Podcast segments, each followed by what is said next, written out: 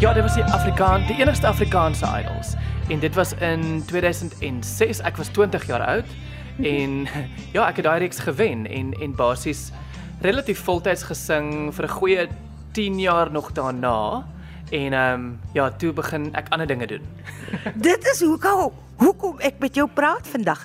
Deesdae is jy 'n sielkundige. Sê vir my gou Dewald om daai pad te stap van die vermaakbedryf tot daar waar jy nou is, waar jy 'n sielkundige is. Hoe hoe het jy besluit daaroor? Het jy net besluit, oh, ek wil nou nie meer sing nie, ek wil nou nie meer onderhoude doen nie, ek wil nou iets anders met my lewe doen? Ja, ek het nooit regtig besluit om die musiek te los noodwendig en 'n sielkundige te word nie. Dit het dit was so so geleidelike oorgang.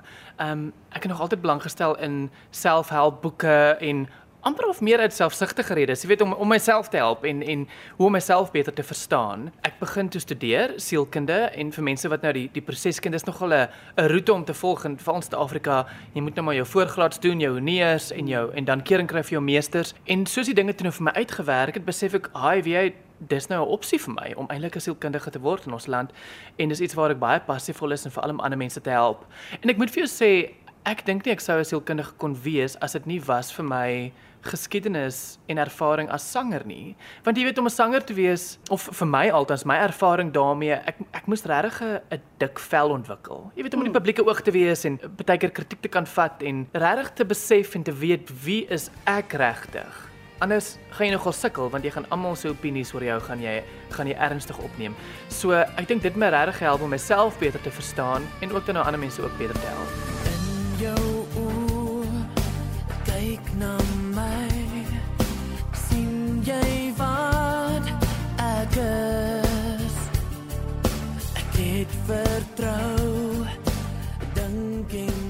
Dink jy wanneer 'n mens so iets wen wanneer jy jonk is, swaai dit jou kop effens en het dink jy jou kop het bietjie geswel in daai tyd? En toe later het dit weer gesak toe jy besef hoe die wêreld eintlik werk? Ja, definitief. Ek meen ek kan vir jou nou eerlik sê ek was absoluut arrogant in 'n windgat. jy weet op maar maar wat is jy as jy op 20 as so iets met jou gebeur? Jy weet ewe skielik het jy jy het bietjie roem, jy het bietjie geld, jy weet en dis jy weet ek dink dit is vir meeste jong mense is dit al wat hulle soek op daai stadium. Maar soos die jare aanstap dan besef jy, hy weet jy, daar's ander prioriteite. Been there, got the T-shirt, jy weet, en wat's volgende? En vir my het dit regtig toe nou minder begin gaan oor die materialistiese dinge in die lewe en en meer oor hoe kan ek geluk vind? Wat wat gaan my gelukkig maak? En ehm um, ek dink dit kom maar met die met die ouderdom en met die ervaring. Ek moet vir jou sê, ek gaan eerlik wees as ek vir jou sê, ek het bietjie geskrik toe ek sien dat jy nou 'n sielkundige is. Ek kon glad nie my kop rondom dit kry nie. Wat leer jy oor jouself, Dewald, op hierdie reis? Waar jy ander mense help. Ja, ek leer en ek besef net elke dag ons is mense, man. Ons is die Engels sê dit so mooi, a fallible human being. Hmm. Wat beteken ons het ons het sterkpunte en yes, en ons het slegte punte. Ons het dinge waarmee ons sukkel. En ek dink as jy baie swart en wit daaroor gaan dink, gaan jy sukkel. Met ander woorde, as as ek vir myself gaan sê, o, ek is ek het geen foute nie, dan natuurlik gaan dit 'n probleem wees. Maar as ek ook vir myself gaan sê, o, ek's totaal 'n mislukking en daar's niks goed van my nie, mm. dan gaan ek ook sukkel. En ek besef net dat ek en jy en enigiemand anders, ag ons is mense en ons maak foute en ons moet ons moet leer om mooi met onsself te wees. En en daai verhouding met jouself, jy weet, is is so belangrik vir ons om te oorleef en deur hierdie hierdie lewe te navigate jy praat nou van navigasie en navigeer en nou dink ek toe kom jy al die pad uit Bloemfontein uit en deesdae woon jy in die Kaap. Hoe is dit nou vir jou hier in die moederstad? Hoe ervaar jy dit? Dis 'n bietjie ehm um, back to my roots van ek is eintlik ek is in Durbanville gebore kan jy glo. En ek was nog 'n kleuter te trek ons Bloemfontein toe. Maar nou terug in die Kaap en ek werk hier by 'n uh, 'n kliniek vir vir eetversteurings en ag ek's by by familie wat ek ken en dis net wonderlik. Die Kaap is baie lekker. Eetversteurings hoekom dit spesifiek Eetversteurings is 'n komplekse diagnose en vir mense wat miskien nie weet nie ons werk met mense wat sukkel met um anorexia nervosa, bulimia nervosa, binge eating, so dis alles op die spektrum. Mense wat sukkel om te eet en miskien um 'n normale gewig te handhaaf, mense wat ooreet en miskien oorgewig is en dan mense wat soms 'n normale gewig het, maar die manier hoe hulle daai daai gewig bestuur is op 'n ongesonde manier. En dit kan nou wees deur te te ooroefen of miskien ehm um, jy weet medikasie te gebruik wat nie wat nie goed is vir jou nie. Ehm um, dieetpille, allerlei dinge, nê? Nee, ehm um, selfs jouself naar te maak en so.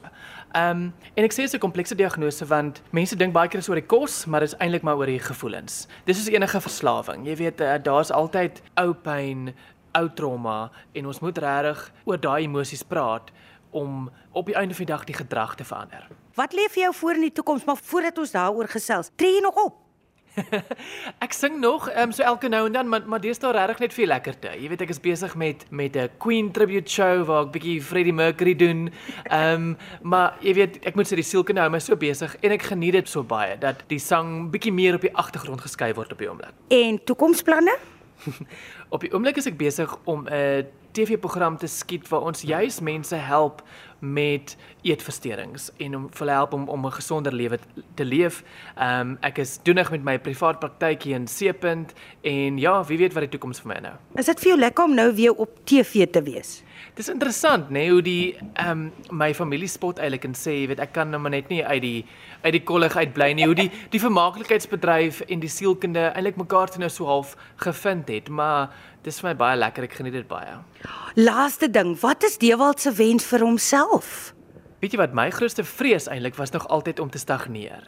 So en ek net dis miskien waar die sielkunde ook inkom. Jy weet, solank ek kan aanhou groei en ehm um, nuwe uitdagings aanpak en nie te bang is vir die lewe nie, jy weet in al sy uitdagings nie, is ek nogal heel gelukkig. En ook dat jy ander mense kan help. Ja, nee, dis net 'n voorreg en jy weet om ander mense te sien groei self en te weet jy het 'n klein rol daar daarin gespeel is baie bevredigend. Sou jy dan miskien iets wou sê vir jong mense oor 'n loopbaan in die vermaakbedryf?